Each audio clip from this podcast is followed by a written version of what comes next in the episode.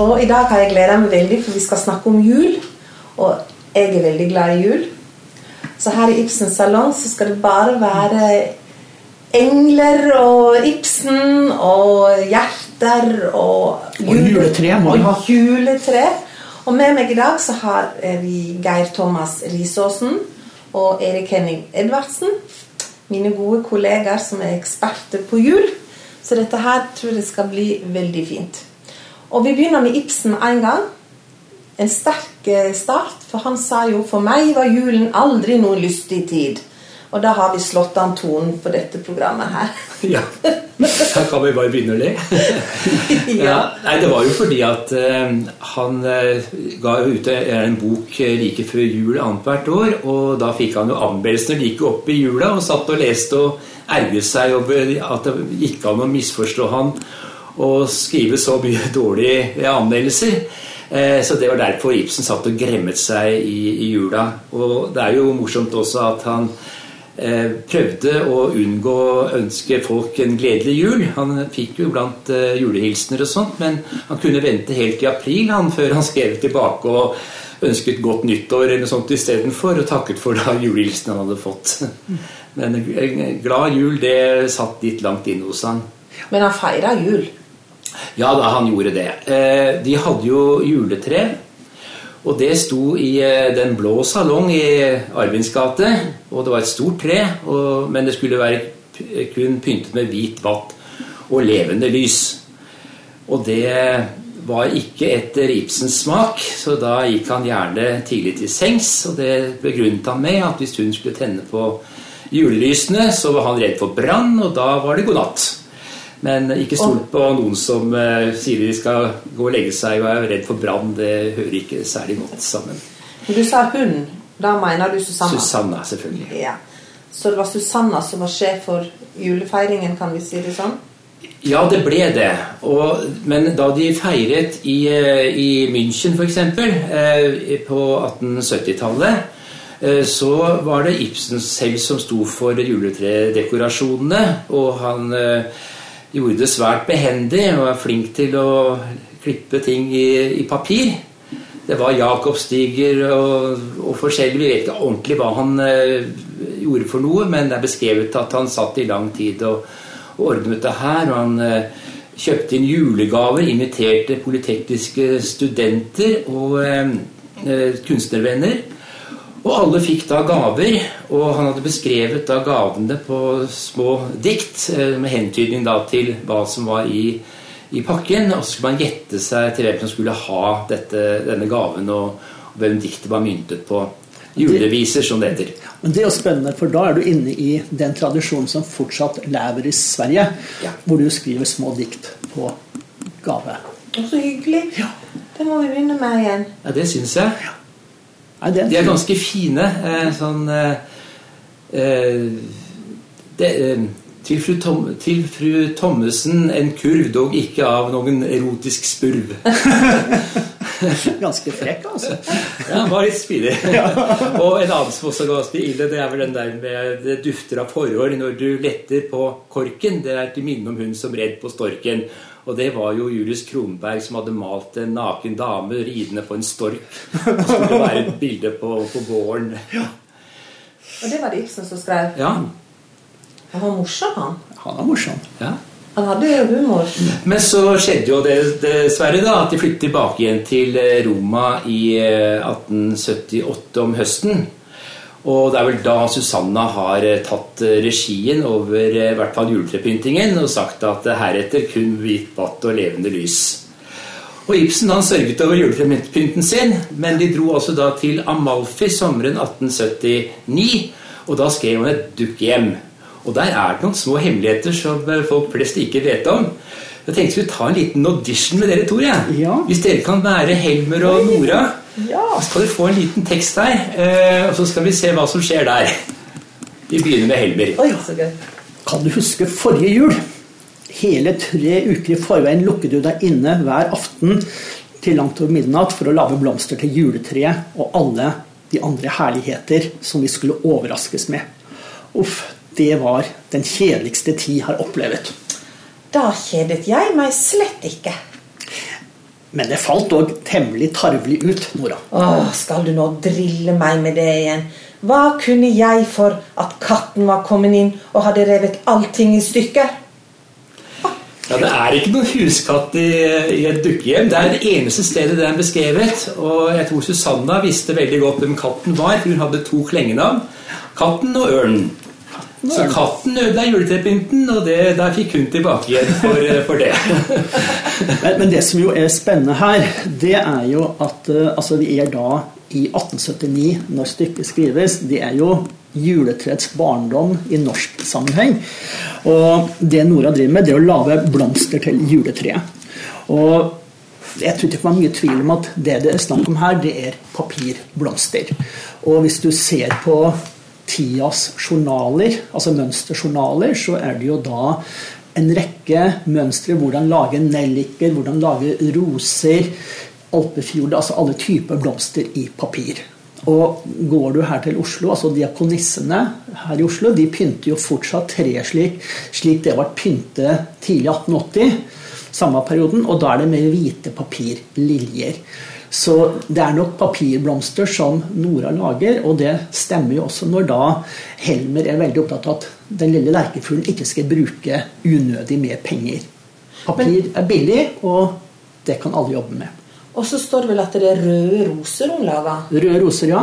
Rødt silkepapir. Ja. Men rødt var jo ikke noen veldig vanlig farge på, eh, som man brukte på trær og på julepynt eh, så Nei. tidlig. Eh, ikke sant? Det var jo gule tørkede blomster, skriver Gustava Kielland. Ja, men Gustava skriver om tørkede blomster, tørkede ja. evighetsblomster. Mm. Men hvis du, tenker, hvis du lager roser, så er det jo gjerne rød, hvite og gule vi tenker på, og aller helst de røde rosene.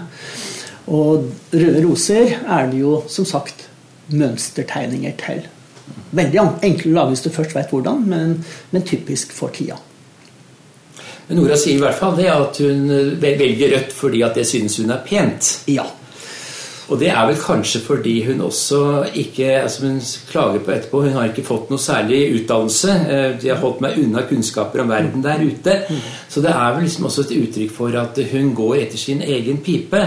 Og det er kanskje litt viktig å ha denne eh, mellomstasjonen, fordi det er jo ikke noe opprør hos Nora mellom det at hun sitter og lurer til seg sånne makroner eh, som er gjemt for, for Thorvald, og helt til altså det oppgjøret hvor eh, hun forteller at hun er et menneske, hun like så vel som Thorvald, eh, så er det ikke noe opprørstrang, ingenting som peker ut av eh, harmonien. Men akkurat den lille saken der, at hun faktisk følger sin egen pipe midt i der, det har vi mistet fordi jula har blitt så veldig rød. det er helt riktig. Og det er klart at vår barndom så var det jo rødt og grønt som var julefargene i tida etterpå så har vi jo kommet i en tid hvor f.eks. julekulene har ulike farger, alt ettersom hva som er årets mote. Og vi har jo hatt festlige perioder med svarte juletrekuler og grå. og noe fargerikt. Så, så, det er jo eh, det er jo En ting er tradisjoner som dannes, en annen ting er jo moter som prøver å blande seg inn i det her. Og så lages det vel nye tradisjoner også, da? Det gjør det. Men jeg syns jo det er interessant med Ibsens diktning at jula og juletreet Vi møter jo det i flere sammenhenger. Og som du var inne på, han bor da i, i, eh, i München i 1875. Og da er du liksom midt i smørja i forhold til juletretradisjon, for det er jo en tysk tradisjon. Og sjøl i Norge så det første juletreet vi hører om her i Kristiania 1822, så er det jo frøken Weinschenk som pynter til glede for barna der hun bor. Og Weinschenk er i hvert fall et tysk navn som hun selv er, tysk, er tysk, eller tysk avstamning. si. Men, men, det er en link her. Og, og, det at liksom Ibsen da både i Brant i 1866 og i Dukkehjem i 1879 er inne om den nye juletradisjonen, altså treet, som er i ferd med å spre seg, det, det syns jeg er spennende. Men er ikke det ganske rart å ta inn et tre? Vet dere hvordan det kom til at de bestemte seg for Vi tar inn et stort tre inn i huset. Mm. Den, eh, altså, det man mener, som de fleste skriver, det er at det første kjente treet det er i Riga i 1510. Riga var jo en Hansa-by. Da var det Hansa-kjøpmenn som da pynter treet til glede for barna i det lauget de tilhørte. Og det treet pyntes da med kaker og frukt, slik at det er ting som barna kan høste. Og det her er jo altså 1500-tallet er jo reformasjonsårhundre, og med den reformerte kirke i Tyskland så begynner jo da familier i den reformerte del av verden å ta treet inn i sine hjem og til glede for unga. Og fortsatt så er det jo spiselige ting det pyntes med. Og så utover på 1700-tallet så blir det også vanlig å kombinere det med levende lys. Og da nærmer vi oss treet slik vi kjenner det. Og etter hvert så kommer jo julegaven inn, og da er det jo små gaver til barna som også henges på til pynt. Og det er et slikt tre med spiselige ting, med levende lys og små gaver som beskrives i Kristiania 1822. Så, og det er klart at det er også der motstanden mange steder i Norge ligger. at eh, altså Det der å ta ei gran eller furu inn i stua, det er jo en sær ting. Og paradokset er jo at her til lands så er det jo nettopp prester, embetsfamilier, borgerskap som er liksom de som først tar den nye skikken i bruk. Eh, så er det jo også veldig sterk motstand hos andre som opplever det både som en hedensk avgudsdyrkelse, nærmest, og, og, at uh, dette her er liksom Ja, det er veldig fremmed og veldig rart. Og hvorfor i all verden dra det inn? Ble jo kritisert da de kalte det for Tannbaum-religion. ikke sant, eh, at, eh, at, protestantene begynte med denne skikken. og eh, Profeten Jeremias advarer mot dette her med å pynte juletreet med sølv og gull. Eh, allerede er det 647 eh, før vår tidsregning. Så her er jo andre krefter også som eh, det, det, er det. Ja. Og så er det klart at I Norge så skal vi heller ikke glemme at i vårt gamle bondesamfunn det å, det å ta inn grønt, øh, altså det å være seg øh, grankvister, finhakke einer som du strødde på gulvet når du hadde vaske, altså det er jo ting som har veldig lange tradisjoner. Altså få inn det eviggrønne, særlig i vinterstid, i ei ellers ganske tung tid av året. Så det må jo ha gitt en Det er vel en grunn til at det sprer seg fort, fordi at det har gitt en gjenklang. Så hadde man til eh, å ta spådommer da. Altså man tok inn eh, store greiner av rognbær. Ja. Og hvis de da begynte å spire i løpet av juleuka, så var det tegn på at det skulle bli et godt eh, år med grønt og mye å høste. Så det er godt å holde varmt i stua, tenker jeg. Ja, Så julerogna den har vært viktig her til lands. Men, men, så er det jo det som eh, også er interessant, syns jeg. det at eh, Selv om det første juletreet i Norge omtales i 1822, så skrev vi faktisk helt fram til omkring 1930 før vi kan si at den nye skikken med juletre har erobret det ganske land og er å finne både hos rike og hos fattige. Og jeg tror jo den viktigste sprederen av juletreet er eh, julekortet.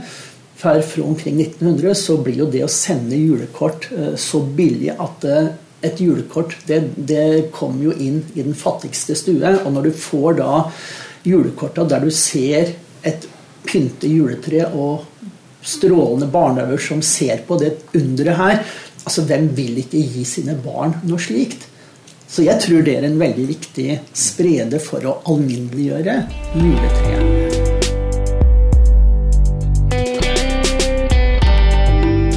Så er det jo selvfølgelig dette med fabrikkeiere og prester som også eh, hadde juletre, og som eh, inviterte barna da, til rett og slett juletrefest. Ja. Og eh, Ibsens store juletrestykke, det er jo 'Villaden'. Der er det altså en fire-fem fortørkede juletrær som står på Bjørkeloftet. Uhyggelig bilde på en skog, men eh, de har feiret jul. Og så kan vi gå til Brann. Og det er jo en prest. Så det er jo rette stedet hvor man da har et uh, juletre i stua. Det er jo også en trist historie. For og det ble skrevet. Vi må bare holde ja. Det er ikke alle som kan eh, Nei. når stykkene er skrevet. Og Brann ble jo skrevet allerede i 1866. 6, ja. ja, så det var jo tidlig. tidlig. Veldig tidlig. Og der er det slik at de har pyntet treet, men eh, nå er det bare såre minner, for de hadde også juletre året før. Og da hadde de sønnen, Alf, som strakte armene ut mot treet og trodde det var solen. Og på det treet så var det hengt leker som han skulle få. Men nå var Alf død. Og nå satt de, satt de der da altså med minnene og hadde pyntet da treet igjen. Eh, men Ibsen selv han har altså vært ganske tidlig orientert om juletreet. Asbjørnsen utga jo en årbok som het 'Juletreet' allerede i 1850. Norges første bestselger. Solgte i 23 000 eksemplarer. Eh, så det er jo helt eh, enestående. Men Ibsen var altså godt orientert. Og Sofie Thommessen, som senere ble gift med Erik Wernskjold, hun forteller om Ibsen i 1876, at han da sittet og klippet juletrepynt i lang tid, og han gjorde det veldig behendig. Og så legger hun til at eh, allerede i barndommen klippet han juletrepynt. Og fikk da Maren Torkone til å selge det for seg i Skien. Og det er tidlig. Men Skien er jo en by som hadde kontakt med utenverdenen. Og da er vi 1830-åra. Ja. Og det er jo Og da er du inne på en av mine kjepphester, og det er jo nettopp juletrepynt i papir. Eh, nå er jo papirarbeider på mange måter et fenomen som virkelig får en oppblomstring under ampiren og seinampiren, altså 1820-30-tallet. Og det er jo fordi at det, det var en mager tid, og papir er et billedmateriale, og med saks er det utrolig hva du får til. Eh, og Da er det nærliggende å tenke på juletrekurver. Nå tror jeg ikke det var det som Ibsen laga i 1830-åra, for de kommer nok litt seinere. Og den eldste julekurven vi veit om, det er da H.C. Andersen som fletter en kurv rundt 1860. Det er den eldste daterte bevarte. Eh, den er uten hanke, så vi har ingen formening om hva den har vært tenkt som. Men her på Folkemuseet så har vi jo fire kurver som Edvard Munch og hans søsken fletter da i 1877-1878. Og de er jo faktisk blant de eldste i verden. Og det å flette kurver det er jo en dansk tradisjon som sprer seg fra Danmark til Norge og til Sverige. Og der eh, også de berømmelige mønsterplaner kommer da med anvisninger allerede i 1870-åra. Så søskenparet Munch er jo tidlig ute her. Og det som jo også er interessant, syns jeg, da, med, med kurva, det er at eh, vi har jo alle vokst opp med å flette kurver i skolen. Og skoleverket tar jo dette her opp ganske tidlig, nettopp for å drille oss barn i fingerferdighet og tålmodighet. Så der kombinerer du det morsomme med det nyttige. Men vi var innom julepynt og Nora. Ja. Og at hun pynta tre med røde roser. Mm. Og du sa at de pynta, Gert Thomas, du sa de pynta med sølv og gullfarger og sånne ting. Hun pynta jo tre med noe annet enn røde roser. Hun putta jo penger inn i sølvpapir. og hun ønsket det i hvert fall at, ja. at Thorvald skulle gi henne penger. At det skulle da legges i, i sølvpapir. Men var det vanlig å, å legge penger, eller pynte penger Pynte penger på treet sånn? Jeg har ikke vært borti det andre sammenhenger, men det høres jo veldig rimelig ut. Altså Det er jo både tradisjonen med at du henger gavene på treet, og det er klart at penger som du pakker inn i sølvpapir, det gir jo en glitrende effekt til tre. Så jeg tenker at der har du en dobbel funksjon. Og så trengte jo Nora penger, da, for hun hadde jo lånt noen penger som de ikke hadde fra. Så det var jo hele hemmeligheten her, at hun eh, faktisk trengte de pengene veldig sårt. Og hun var jo ung og smukk, og hun eh, så alt kledde jo henne. Så hun kjøpte altså billigere klær, og folk trodde at det var dyrere når det satt på henne, fordi hun da bøyde seg så fint. Så, så, hun hadde en plan for å få tilbake de pengene hun hadde lånt. Ja. Men det, et dukkehjem, det er jo et um et dramatisk stykke, må man si, fordi at Nora forlater jo mann og barn. Og dette her bestemmer da Ibsen har skrevet stykket at det skal skje i jula. Ja.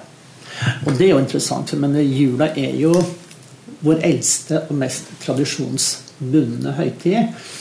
Og det er jo liksom familiefesten framfor noe, i hvert fall julaften og første juledag. Og så all den utstrakte selskapeligheten som romjula bringer med seg. Så det er klart at det er på en måte som høyt til en krisemaksimering av året som sådan. Og når en person velger å gå ut av et ekteskap, så er det også en krisemaksimering i et forhold. Så eh, han får på en måte forsterke den effekten og det sterke budskapet som ligger i et ukehjem, nettopp ved å legge handlinga til juletida. Det er et godt grep. Veldig godt grep. Dramatikeren. Ja. Ja.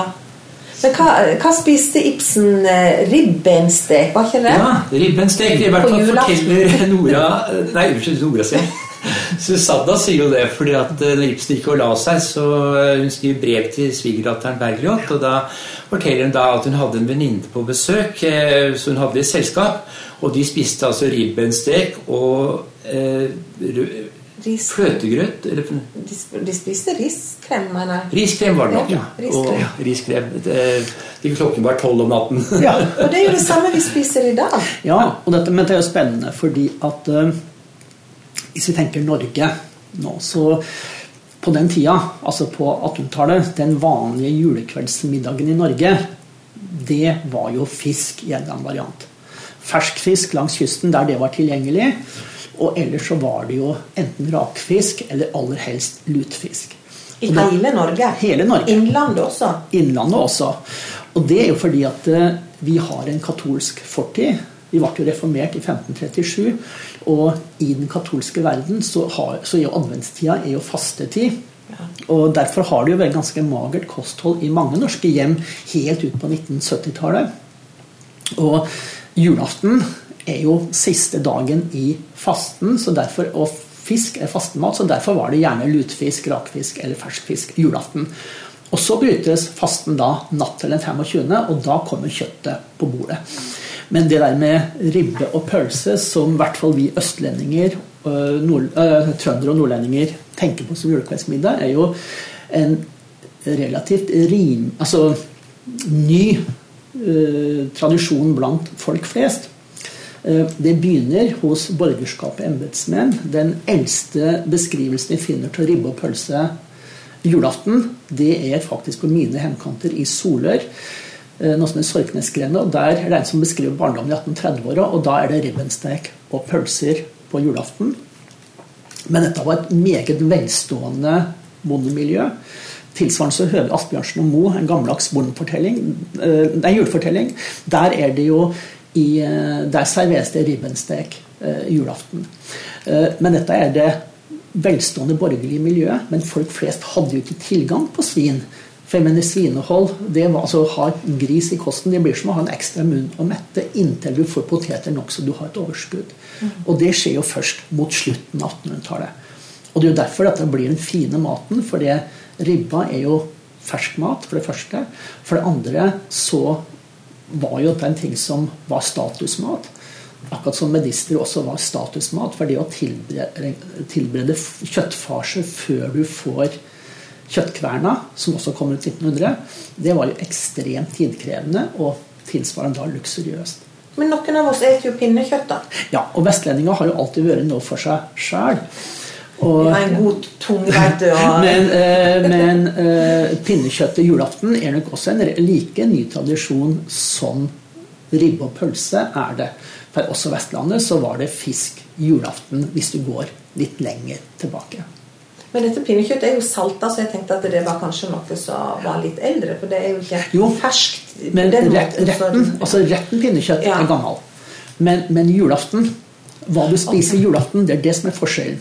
Men julaften var siste dagen i fasten, så det var per definisjon fisk over det meste av landet henimot rundt 1900. Altså det er alt, ingen regel uten unntak, men det generelle. Så da har altså vestlendinger for å si det sånn, ete pinnekjøtt andre tider på året enn akkurat jul. Og så ble det julemiddag. Ikke julaften, men så blir det julemiddag. Ja. Så, men men er også, jeg syns jo det også er spennende den, eh, en så klar øst-vest-forskjell som pinnekjøtt ribbe er. Og jeg mener pinnekjøttet er jo konservert mat, akkurat som lutefisken er det. Mens ribba er jo fersk mat. Og dermed mye mer eksklusiv i si samtid. Men jeg må fortelle at jeg blir liksom privat her, men familien min eh, Jeg er vokst opp med pinnekjøtt på julaften og svineribbe, og den var salta. Ja. Så jeg åt salta svineribbe Det må prøves. Det er veldig Ja, nei, det, det er fremmed for meg, men det er, det er ja. men, men så er det jo liksom tilbake til Ibsen og hans samtid. Eh, da tenker jeg siste halvdel av 1800-tallet, så er jo eh, Som sagt så begynner jo ribba, altså, altså ribbensteika å gjøre inntog i borgerlige kretser. men trenden generelt ser ut til å være at borgerskapet så var det, så var det dyresteik eh, vilt av ulik sort. Og var det et, eh, et velstående nok hjem, altså toppen av kransekaka, så var det ofte at du hadde at du da hadde en type koldtbord julaften. fordi at da skulle tjenestefolket ha fri. Så da var det mat som var laga i forkant, som kunne settes fram, slik at tjenestefolket også kunne ta fri julaften. Kan jeg spørre hva dere spiser til jul? Erik, har spist Ja, det er jo nå blitt eh, pinnekjøtt etter hvert, da. Eh, Erik, du er da østlending? ja. Å nei, vi overtar med pinnekjøtt. Nei, her er, det, her er det ribbe og pølse per definisjon. Men eh, jeg er jo også i den situasjonen at jeg er offer for et blandingsekteskap. Og det er jo da problema kommer. Så i og med at min bedre halvdel er vestlending, og jeg er østlending, så kjører vi begge deler på julaften. Og, og det er også det som jeg syns er så både flott og interessant, fordi at uh, den berømmelige julestemningen den er jo summen av veldig mange ting. Og ikke minst den lukta av jul. Og jeg mener det er ikke ordentlig julaften uten at du lukter det du er vant til. Så for meg må det jo være lukt av ribbe og surkål. Og for min bedre halvdel så må det jo være lukt av pinnekjøtt. Og det er klart at ideelt sett så bør jo ingen gå på akkord den kvelden. Ideelt sett. Ideelt sett. Nei, for Hjemme hos oss så, så har jo en mann som er født i Amerika da, så Vi har sånn annenhver jul, da. Så i fjor var det pinnekjøtt, og i år er det kalkun. Men eh, vi skal selvfølgelig ha en pinnekjøttmiddag i løpet av eh, jula. For det som du sier, Thomas, jeg må ha lukta av pinnekjøtt i veggene. Det er ikke det samme med denne fuglen. Og vi kan fleipe med det, men det er viktigere enn som så. Fordi at eh, jula er jo ei tid som setter hele sanseapparatet i sving. Og den berømte julestemningen, som sagt, den er jo summen av alle de små elementene. Men lukta av jul er helt grunnleggende. Ja, for det er vel ingen tid på året der tradisjoner står så sterkt som jula. Men jeg tenker bare, vi snakka om julekort her tidligere. Um, jeg pleide å sende 30-40 julekortet. Men uh, det, det har jeg ikke gjort de siste åra. Men i år har jeg kjøpt julekort. Det er litt spesielt år i år. Så i år har jeg kjøpt julekort. Men det der med å sende julekort Du sa at det var så billig at det kunne alle gjøre. Ja. Julekort er vel ikke spesielt billig å Nei, nå er det nå, Altså, jeg har faktisk skrevet en 40 i år. Jeg får mye julekort, jeg sender mye julekort fortsatt. Men nå er det jo 17 kroner i eh, porto. Jeg syns det er rimelig mye, for korta koster også penger hvis ikke du lager dem selv. Du gjør ikke det? Du lager ikke selv? Nei, jeg har sluttet med det. Jeg, jeg kjøper kort jeg liker og sender. Og jeg så litt på det nå, at eh, det var jo i eh, Det var ved nyttår i 83 at vi gikk over fra porto beregnet på hvor mange ord til på eh, brev. Altså fram til, eh, til og med jula 82 så var det jo 1 krone og 20 øre for å sende et julekort hvor det sto 'God jul og godt nyttår'. Det var fem orda som var fem ord som var grensa for den rimelige portoen. Og så, og så var det 1 krone og 50 øre for porto med flere ord. Men som sagt, eh, 1,20 eller 1,50 da i, i 1982-83. Og i dag er det 17 kroner. Så det har jo Der kan du putte på så mange ord du vil. Ja. Så der blir det tettskrevet. Tettskrevet. Erik, sender du julekort? Jeg har pleid å sende veldig mye julekort, men etter hvert så har det blitt mindre av det. Og det er nok fordi at eh, en del har begynt å sende på som mail. Og det syns jeg ikke er noe særlig stas, og da har disse egentlig blitt litt borte. Eh, Så akkurat i år så har jeg skrevet en liten sånn julefortelling. Altså litt om, om tradisjoner, rett og slett. da. Eh, Så jeg tenkte jeg kanskje skulle ta og sende den, men da må jeg jo skrive et eller annet personlig, for jeg syns jo at det ikke er særlig ålreit å avspise folk med sånne for, faste formularer. Men jeg syns jo, Erik, at eh, jeg er enig i at eh, det har endret seg litt med de du får på e-post, men jeg har løst det nå at jeg har kjøpt mange PC-er som jeg setter opp på peishylla, slik at de får seg fram alle sammen. Nei da, for det er, eh, det, er, det er også noe med at det jeg syns er koselig med de gammeldagse julekortene, er jo at veldig mange av dem inneholder jo en personlig hilsen, og det er på en måte en oppdatering i forhold til året som har gått. I hvert fall i grove trekk. Og det er jo veldig hyggelig å sette dem opp. Enten, er, enten du henger dem i snøre eller setter dem på peishylla eller hvor som helst. Men det er litt problematisk med de elektroniske. Jeg skal være enig i det. Men de, de har ikke forandra seg. Jeg gikk og så eh, på butikken i går, da. Mm. Og gikk og så på julekort. Og jeg syns de julekortene De fleste av de ser ut som da jeg vokste opp. Så, så de gamle, virkelig gamle julekortene. Mm. Altså julekort, de, der er det dompap og nisser og kirker og snø og, og juletre og sånt. Men når kom det første julekortet, da? 1843. Eh, og så ble det da masseprodusert i Tyskland fra midten av 1870-tallet. Og vi var ganske fort i gang i Norge, så særlig Bergslien-brødrene var jo raskt ute med å eh, lage julekort. 1880-tallet så kom de, og de er jo flotte med morsomme nisser. Fantastiske. Og de hadde nok mye å si for den måten man oppfattet jula og at eh, ja, Nå ga man jo grøt til nissen osv. Det er blitt en annen, eh, denne julenissen vår, men eh, men eh, nissen og, og jul har jo vært noe spesielt. Men jeg syns det du er inne på nå, Erik, er veldig viktig. Fordi at uh, julekortet har på mange måter vært med å definere vårt visuelle bilde av hvordan jula skal se ut. Så, så de har jo hatt en veldig påvirkningskraft. Og det er som du sier, Bergljot, at uh, veldig mye av den motivkretsen er jo ganske uendret, egentlig gjennom, altså gjennom 1900-tallet da, spesielt.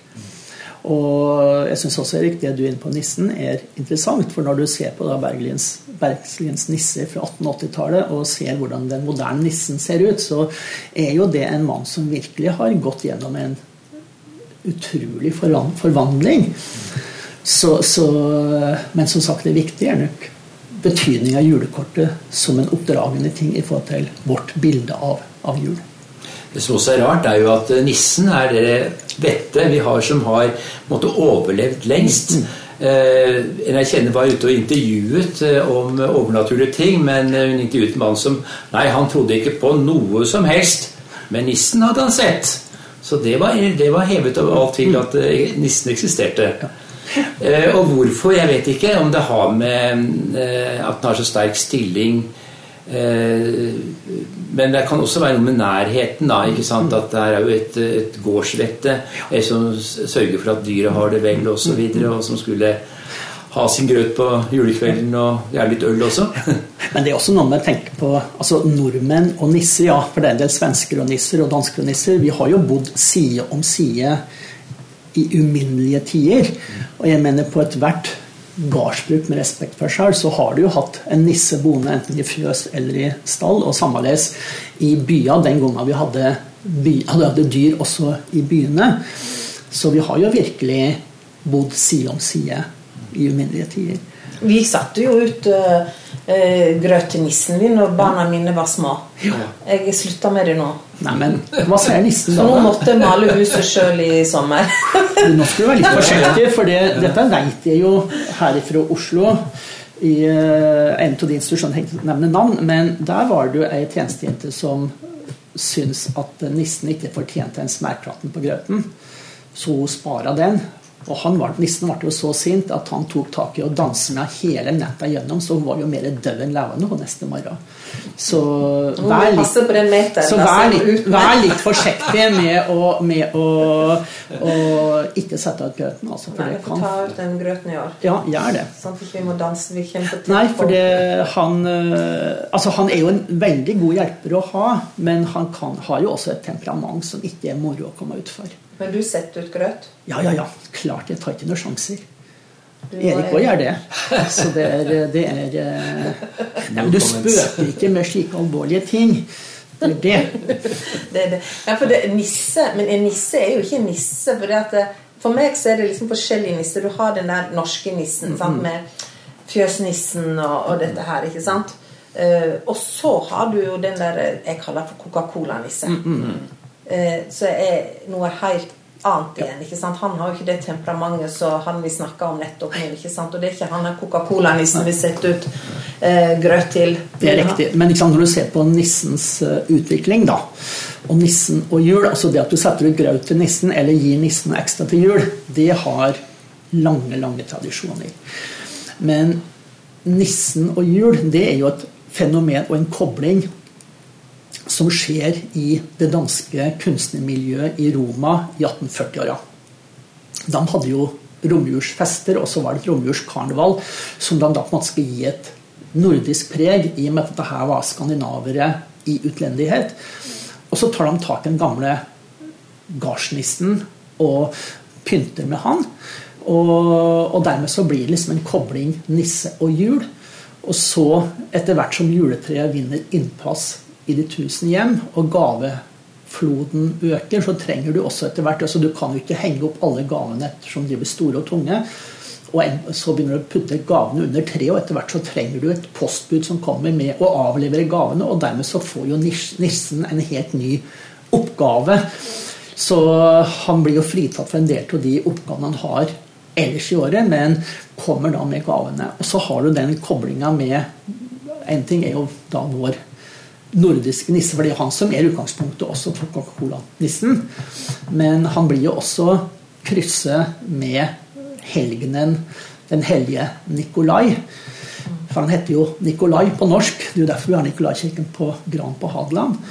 Som jo var en biskop i Smyrna som var kjent for sin gavmildhet. Og dermed så blir alle disse forestillingene blandet sammen og ender opp som den julenissen som vi tenker på i dag. Men det er jo mange tradisjoner som flyter i hverandre. Og det er vel også av de ting som gjør jula så spennende. Fordi at eh, det er liksom Ja, det er en blanding av veldig mye spennende. Og så er det med anonymiteten også, ikke sant? fordi denne Sankt Nikolas, ja. som eh, han gjerne kalles eh, det var Nikolai i norsk, altså Sankt Nikolai på norsk. Men det var også en, en mann som av fattigdom mm. måtte selge sine tre døtre til prostitusjon. Og da red eh, Sant Nikolai mm. Eh, forbi huset og kastet da inn en pose med gull. Mm.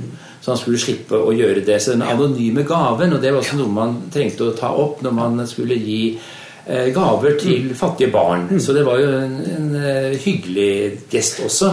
Og da var det greit å ha en nisse som da var anonymisert og gjemt bak et skjegg og en topplue.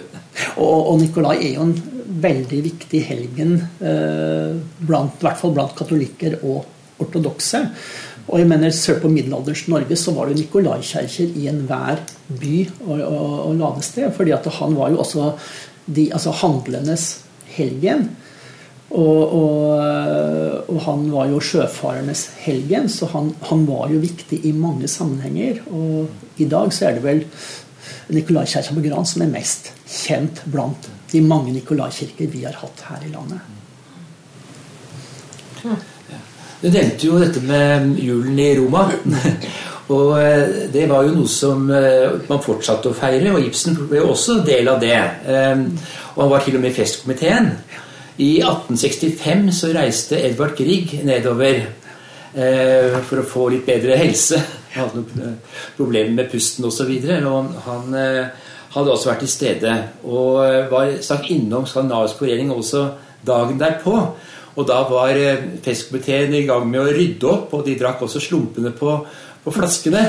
Og så skriver da Grieg i sin eh, dagbok Henrik Ibsen sprøytefull.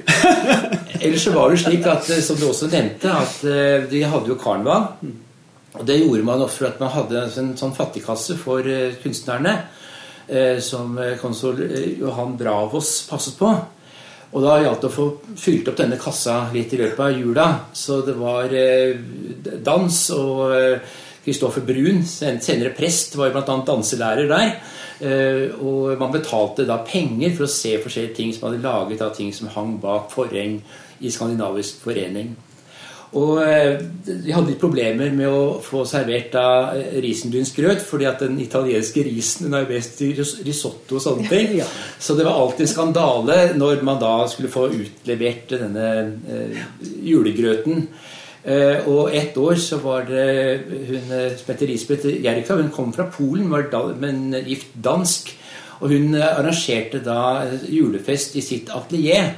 Og da hadde han funnet på at de skulle bruke spagetti istedenfor. Men da for å være morsom så hadde hun da farget all spagettien i forskjellige farger. Sannsynligvis med det samme hun da malte bildene sine med, så den var jo totalt uspiselig. Um, så um, disse julefestene i Roma de sto respekt av. Og det er også slik at når de kom, så lå det da slike kranser ved hver kuvert. Og de skulle man ha på seg. Og Ibsen kommenterte dette her også, at eh, de som eh, så vakre og fine ut, de ble seende ut som guder med disse her kranser rundt hodet. Men de som ikke så så godt ut, de ble seende dobbelt fryktelig ut denne stasen. Men var ikke på en eller annen fest ikke Camilla Collett så skriver de at de er på en eller annen julefest, og de begynner å kaste rett og slett denne risen, ja. grynsgrøten rundt omkring der. det var derfor de ikke smakte så særlig godt. Og ja.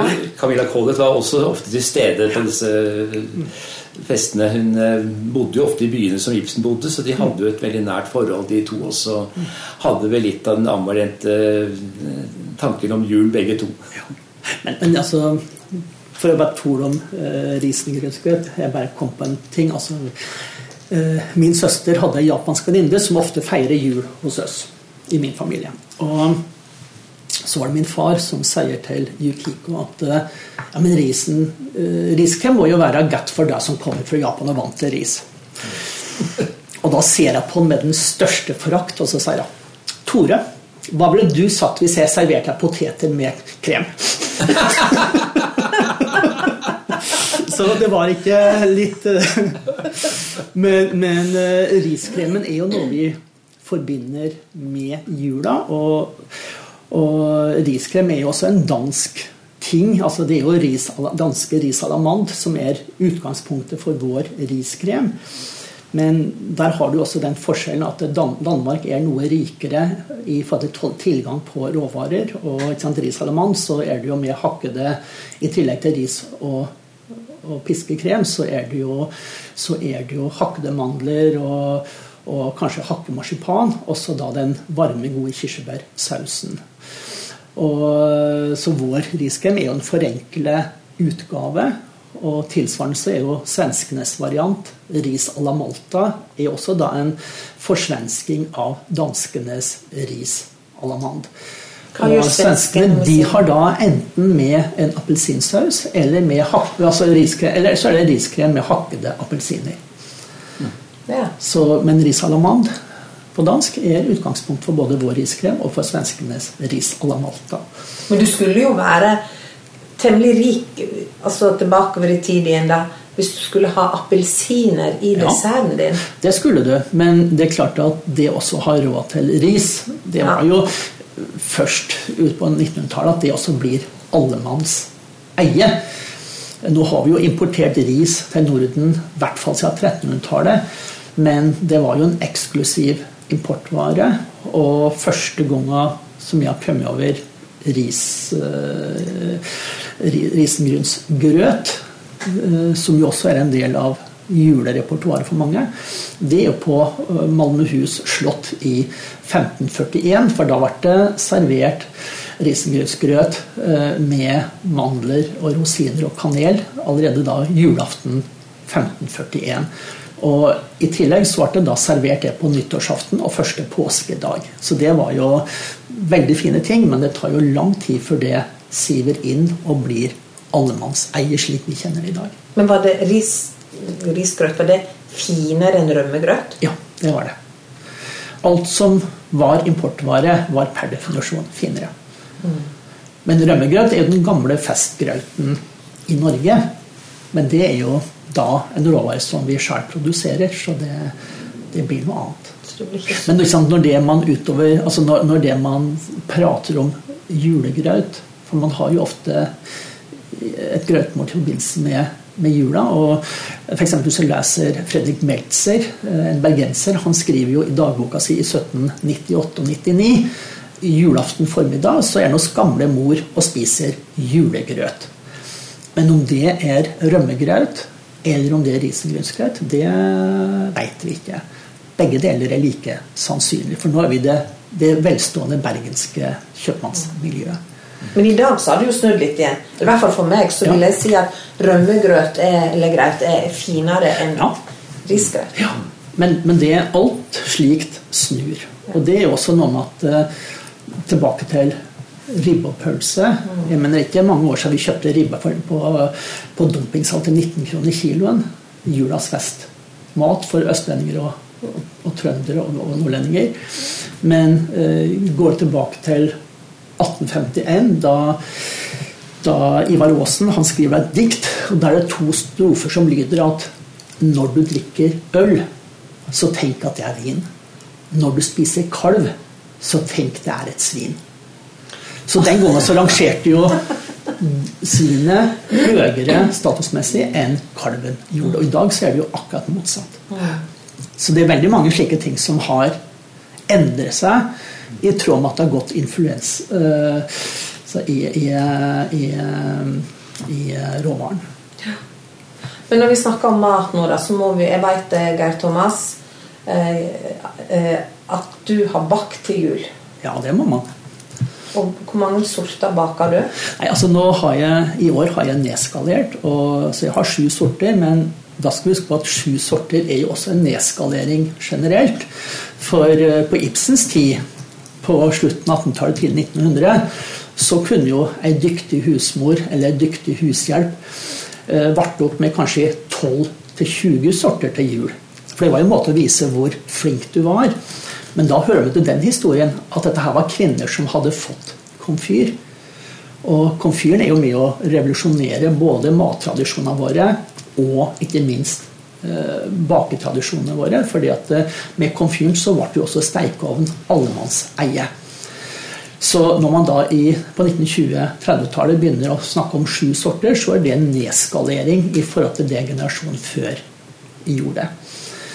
Men uh, sju sorter er jo liksom et, det er et magisk tall har blitt. Og det har jo sikkert også en bibelsk forklaring. For jeg mener, vi feirer jo jul som en kristen tradisjon.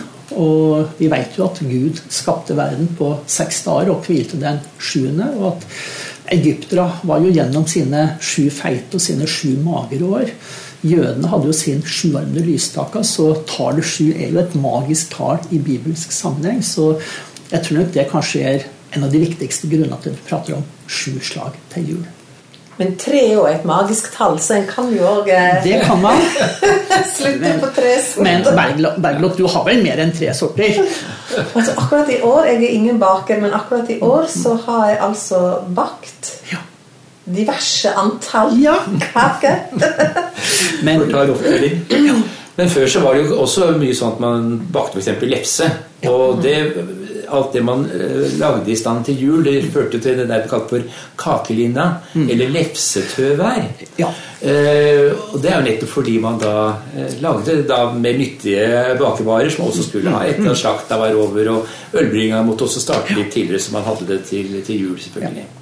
Og det var jo, det var jo Var det Anna Mess eller Maria Mess som var ferje tirsdag og onsdag, da kakelinna kom?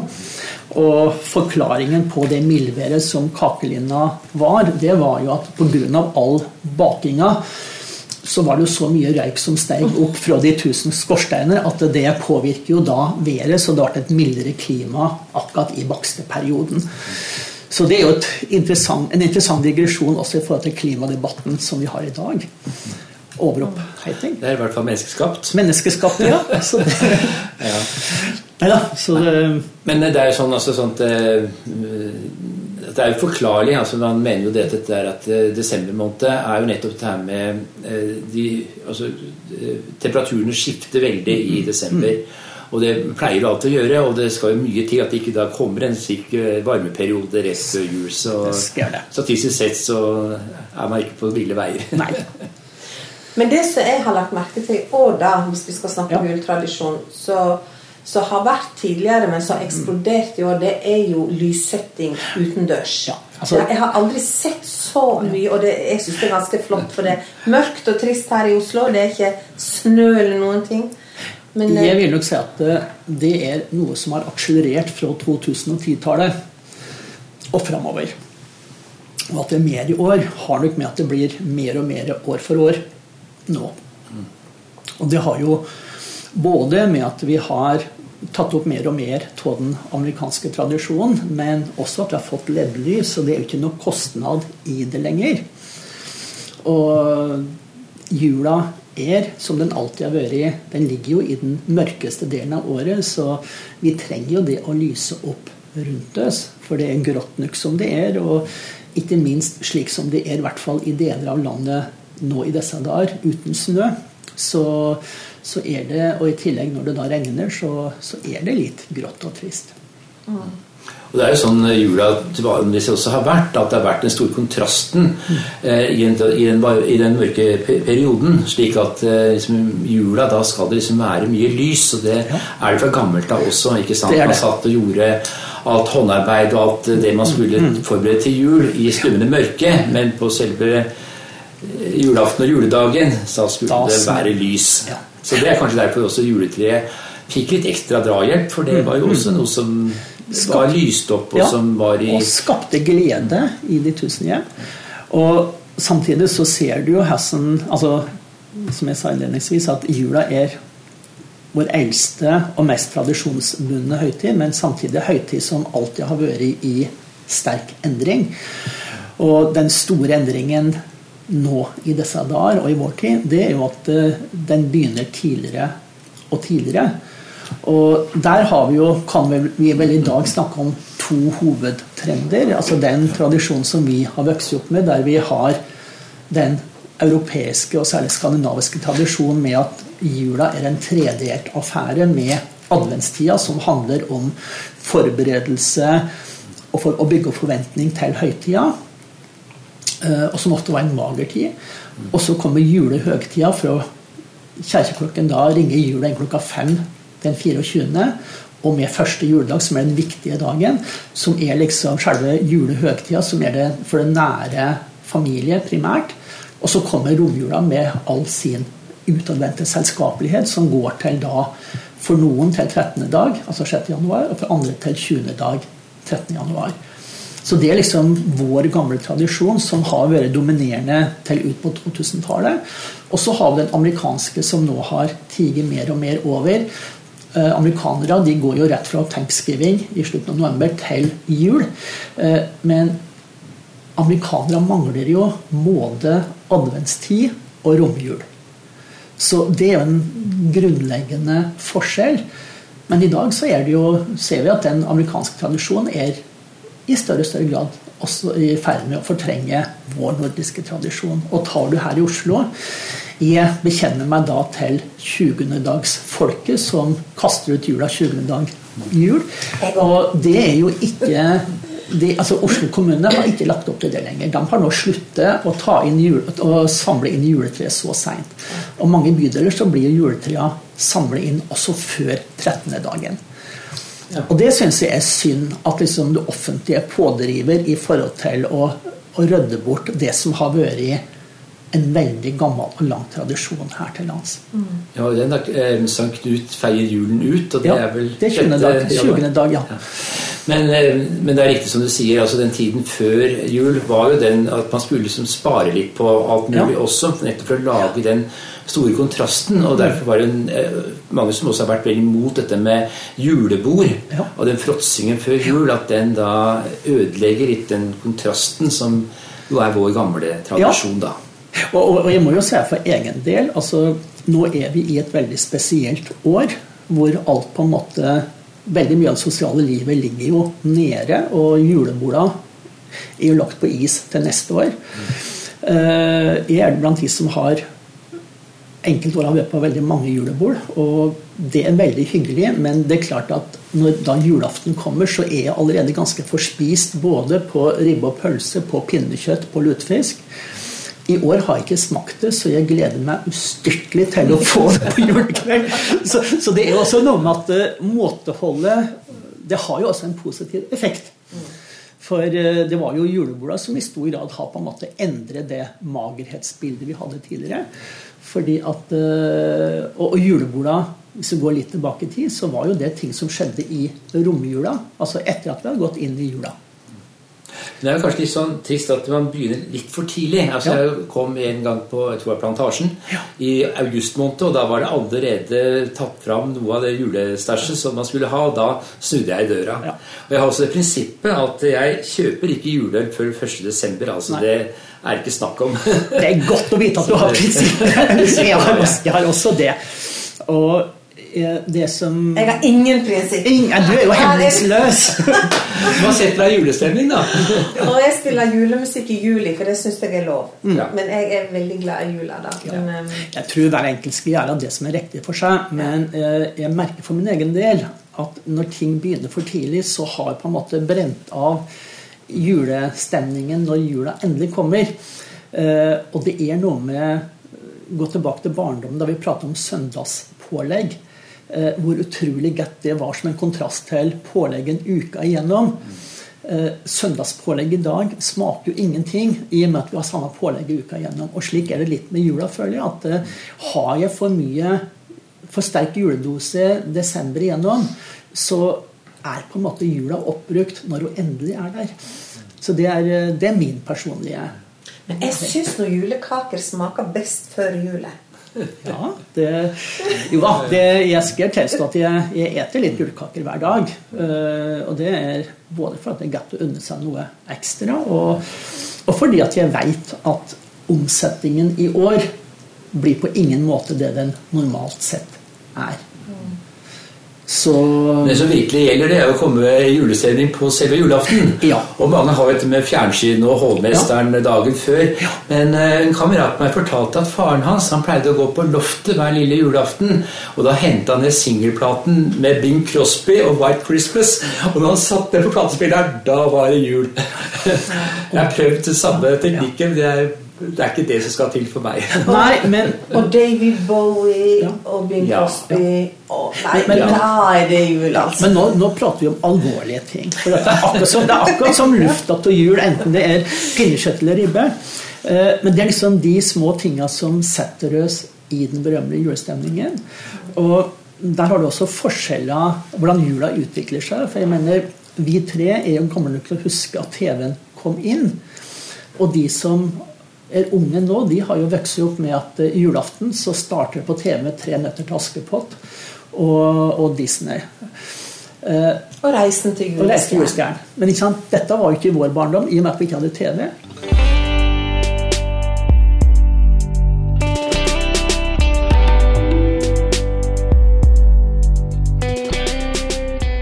Da må jeg bare ta opp en ting som jeg syns er så vakkert, og det er Herborg Kråkevik. Så har satt i gang igjen nå Jeg har allerede holdt på noen år da, med julerosene. Ja. Og på Ibsenmuseet der har vi disse gamle. Og de må jeg ta fram. Nå er de nedpakka, men vi skal snart få pakka opp biblioteket vårt igjen. Eh, men det er altså så vakkert å sitte og bla i disse gamle julemagasinene. Og de der moderne julerosene de syns jeg er vakre også. Det, det kjøper jeg hvert år, altså. Men var Ibsen noe og skrev i julerosene? Nei, han gjorde vel ikke det. Altså, han, ble, han fikk en del forespørsler om å skrive, men også forleggeren hans Hegel var veldig imot. Altså, han fikk forbud mot å skrive sine barndomserindringer, og det her begynte han jo med, så der har vi jo noe. Men uh, han var liksom ikke den som leverte ting til, uh, til disse bladene.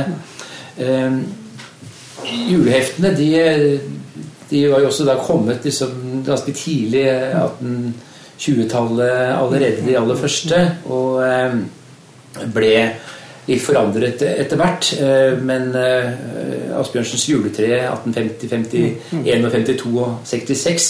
Men så ble det vel eh, særlig med da bedre tykkemuligheter at julebladene, heftene, vedlegg til ukeblader eh, ble ganske populære fra slutten av 1880-tallet og, videre. Og tegneserier etter hvert. Eh, julelesning. Så, men det var noe som gikk litt på siden av Ibsen. Ja. Eh, tidligere så var det jo nyttårsaften som var gavedagen.